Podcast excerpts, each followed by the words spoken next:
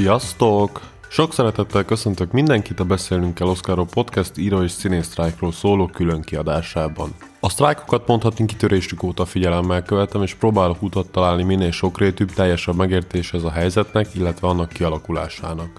Az epizód nagy része elsősorban a tényekről fog szólni, ezekre lesz alapozva, mivel mindenki elsősorban azok tudatában, azok alapján tudja megalkotni saját véleményét, majd a végén szeretnék egy rövidebb szegmens szentelni a ventilálásomnak is. Maradjatok velem! 63 éve nem történt ahhoz hasonló a filmszakmában, illetve Hollywoodban, mint július 14-én, amikor a SAG-AFTRA, vagyis a színészek szakszervezete csatlakozott a május 2-án hasonlóan sztrájkba kezdő forgatókönyvírók szakszervezetéhez. 1960. januárjában hasonló, ha megengeditek, forgatókönyv szerint alakult a helyzet. Sztrájk mellett döntöttek a forgatókönyvírók a Film és Televízió Producerek Szövetségével szemben, majd ugyanez év márciusában a színészek is követték őket. Mindkét szakszervezet alapvető problémája az igazságtalan és csekély tévés jogokból származó részesedés volt, illetve azt szerették volna, hogy a producerek szövetsége kivegye a részét az egészség és nyugdíj alapjaik fizetéséből. Ez volt a két szervezet első ekkora méretet öltő közös fellépése, vagyis az idei a második. Gondolhatnánk, hát ha sok évtized során ez mindössze a második hasonló precedens, akkor az nem is olyan vészes. Viszont most azt fogom mondani, inkább nézzük onnan, hogy milyen súlyosnak kell lenni a helyzetnek ahhoz, hogy több tízezren ilyen drámai lépéseket tegyenek, és beszüntessék a munkát, ezzel megélhetésüket tovább kockáztatva. 60-ban kevesebb, mint másfél hónapig volt átfedés a sztrájkok között, mivel áprilisban a színészek megegyeztek az előbb említett producerek szövetségével, az akkori ATFP, angol nevén Alliance of Television Film Producers-szel, mai nevén AMPTP, vagyis Alliance of Motion Picture and Television Producers-szel. Az akkori megállapodás részét képezte, hogy a színészek levontak az 1960 előtti elmaradt részesedések televíziós díjak kifizetéséről, azért cserébe, hogy a továbbiakban minden produkció esetén megkapják. Ezen felül pedig 2,25 millió dollárt kaptak egy saját egészségügyi és nyugdíj alap megteremtéséhez, a forgatókönyvírók sztrájkja viszont egész 1960. június 12-ig tartott, amikor is a WGA végre új fair megállapodást kötetett.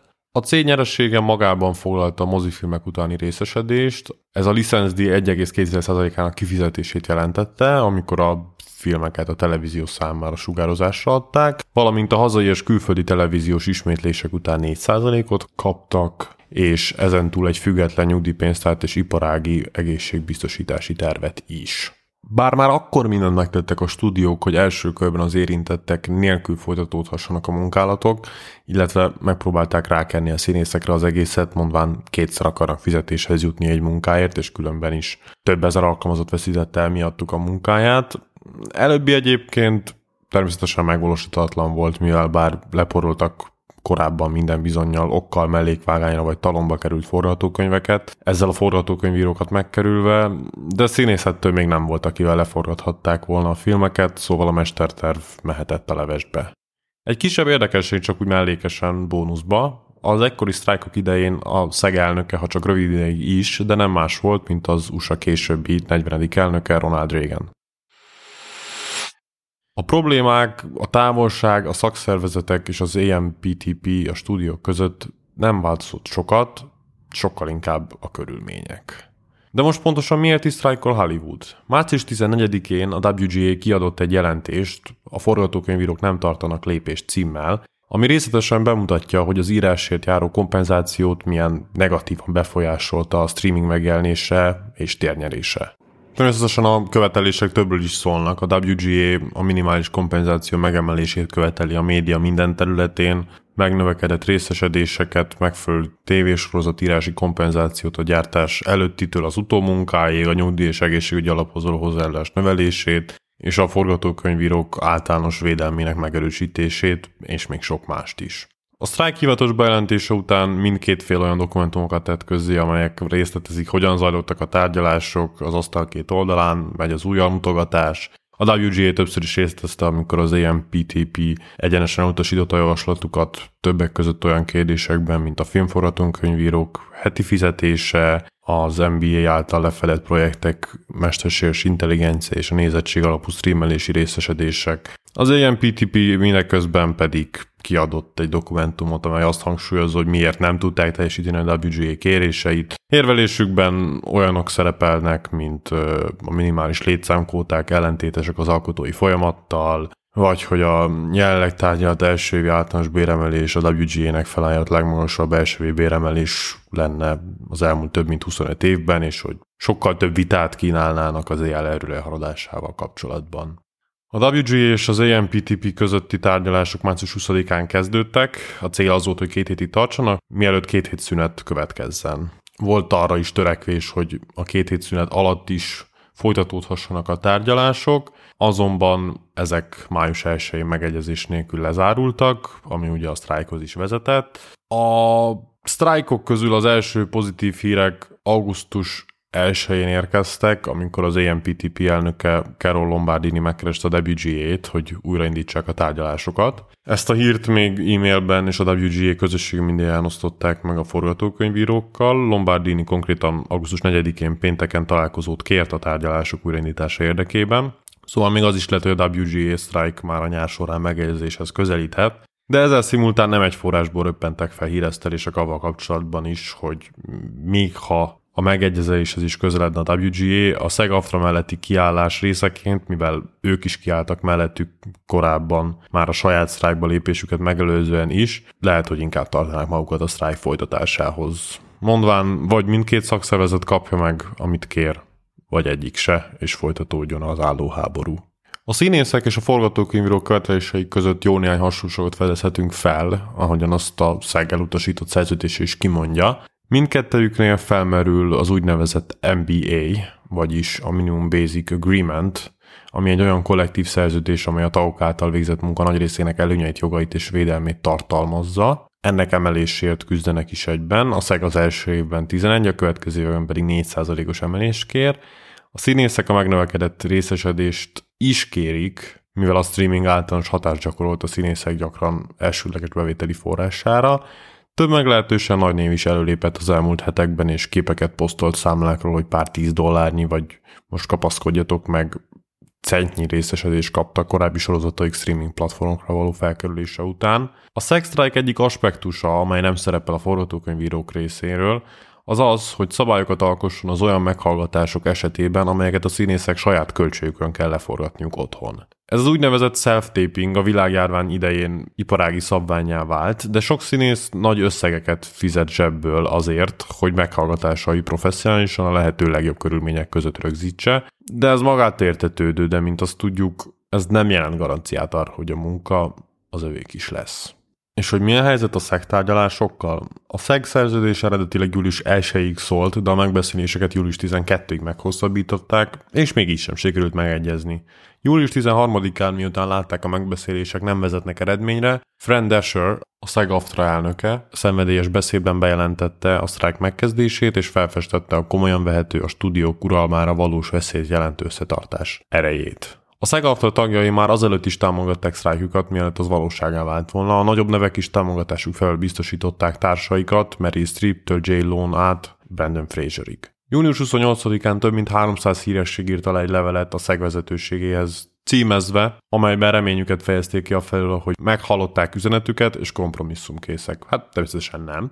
No, de mégis mennyire érezhetjük per pillanat a fennálló helyzet következményeit? Talán annyira még nem. Én hétről hétre jelentem nektek, hogy melyik film bemutatója csúszik, ami elsősorban a nagy produkciókat érinti, mert ugyebár a nagy nevek nem vehetnek részt a promóciók terén. Amikor a WGA strike kezdett, elsőként a Late Night show váltak író nélkülivé, ezeket hétről hétre napról napja írja több tucat író az év teljes egészében.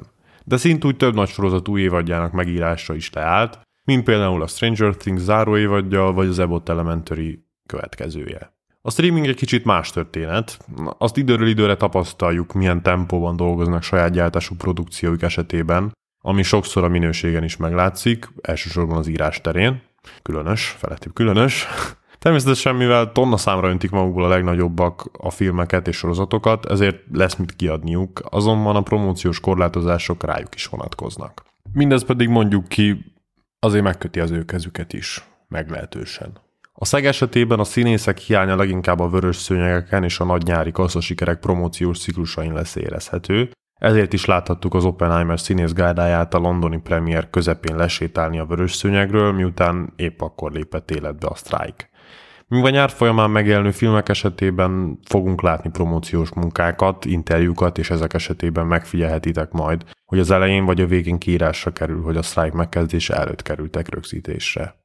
És mégis mi lesz most? Mesés megegyezés a semmiből, és minden megy tovább, mint ami sem történt volna? Az a helyzet, hogy bár csekélyesét látok erre az eshetőségre, még be is következhet. Azonban elsősorban ami történik, hogy a stúdiók kivárásra játszanak, mivel mind a forgatókönyvírók, mind a színészek oldalán a többség nem a sztereotipikus fényűző életet éli, hanem sokkal inkább jobb esetben egy átlagos életmódot tud, vagy csak próbál fenntartani, de sokan ebben a szakmában is hétről hétre élnek. A stúdiók remélik, kénytelenek lesznek a szemben állók feladni a harcot, de ez nem jelenti azt, hogy ők ezzel nyernének, vagy akár csak nem feltétlen buknának. Hollywood napi több 10 milliót veszít a sztrájkkal. A legnagyobb félbeszakadt produkcióknak már csak a forgatási helyszín bélése és a díszlet fenntartás is egy vagyonba kerül, és akkor még nem beszéltünk magáról a munkaerőről, amit ezek a feladatok igényelnek. Ja, és mindezt úgy, hogy semmi nem történik, megállt az élet. A megoldás nem bonyolul, de még sincs közel. Miért? Mert mióta világ a világ, a kapzsiság nagyúr, és általában nem az van a csúcson, aki kompromisszum kész, és olyan könnyen megadja magát, vagy ne adj Isten beismeri hibáit és hiányosságait. Beszéljünk egy kicsit a számokról. Bob Iger, a Disney fejesének aktuálisan évi 31 millió dollár üti a markát, a közutálat első számú célpontja a Warner új főmuftia David Zaslav pedig 39,3-at ivetett tavaly haza. Természetesen a Netflix vezetői sem a napi betevőért aggódnak, mivel a céget közösen vezető Ted Sarandos és Greg Peters együtt idén várhatóan 70 millió fölött kaszálhatnak. Hozzávetőlegesen a WGA követelései évi 430 millió dollárra rugnának a top stúdióknak összesen, ami bár nem kis összeg, az előbb felsorolt fizukat elnézve, és a bevételeket nem taglalva, hát hogy is mondjam, finoman szólva nem kigazdálkodhatatlan. Érdekes, egy jóval kisebb stúdió a divatossá válása miatt alkalmasint már-már kritizált, vagy túlhypoltnak mondott, pedig az alkotói szabadságot maximálisan támogató A24 stúdió összes produkciója megy tovább, promotálhatják filmjeiket a színészeik. Miért? Mert megadják az alkotóknak, amit a szakszervezetek követelnek. Miért? Mert külön nem megy, együtt pedig annál inkább. Ha még sokáig eltart ez a két sztrájk, egy valami lehet, ami igazán nagy pozitívum, kialakulhat belőle, mégpedig az, hogy az igazán nagy nevek is független produkciókban vállalhatnak szerepet, és esetleg olyanokat láthatunk különlegesebb, szokatlanabb drámai szerepekben, akiket addig nem volt lehetőségünk, és esetleg nem találta meg őket a megfelelő forgatókönyv. 63 éve készen álltak félkész vagy elutasított munkákkal pótolni a kimaradást, most pedig a mesterséges intelligencia válasz szerintük. Mármint a nagy stúdiók szerint most már nem az A24-re gondolok, vagy bármelyik indítársukra, és hogy hogyan gondolkoznak a stúdióriások. Alkotni akarsz? Minek? Itt az AI, nézd milyen ügyes, gondolják. Forgatókönyveket akarnak iratni vele, hogy forgatókönyvírót csak a már legenerált, bocsánat, megírt szöveg átnézésért kelljen fizetni, amíg nem váltják ki azt is.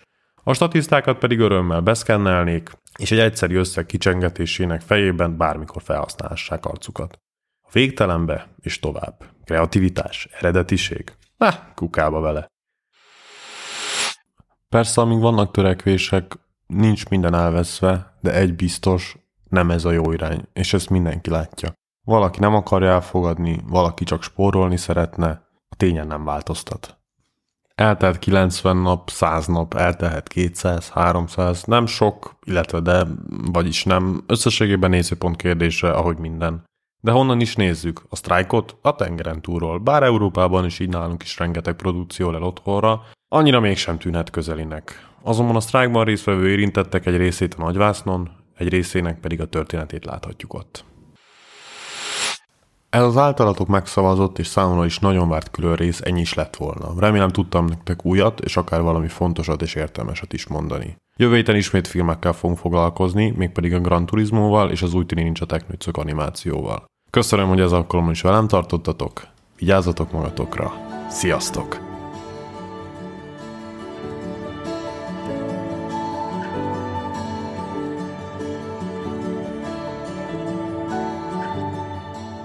Jó, akkor menjünk moziba.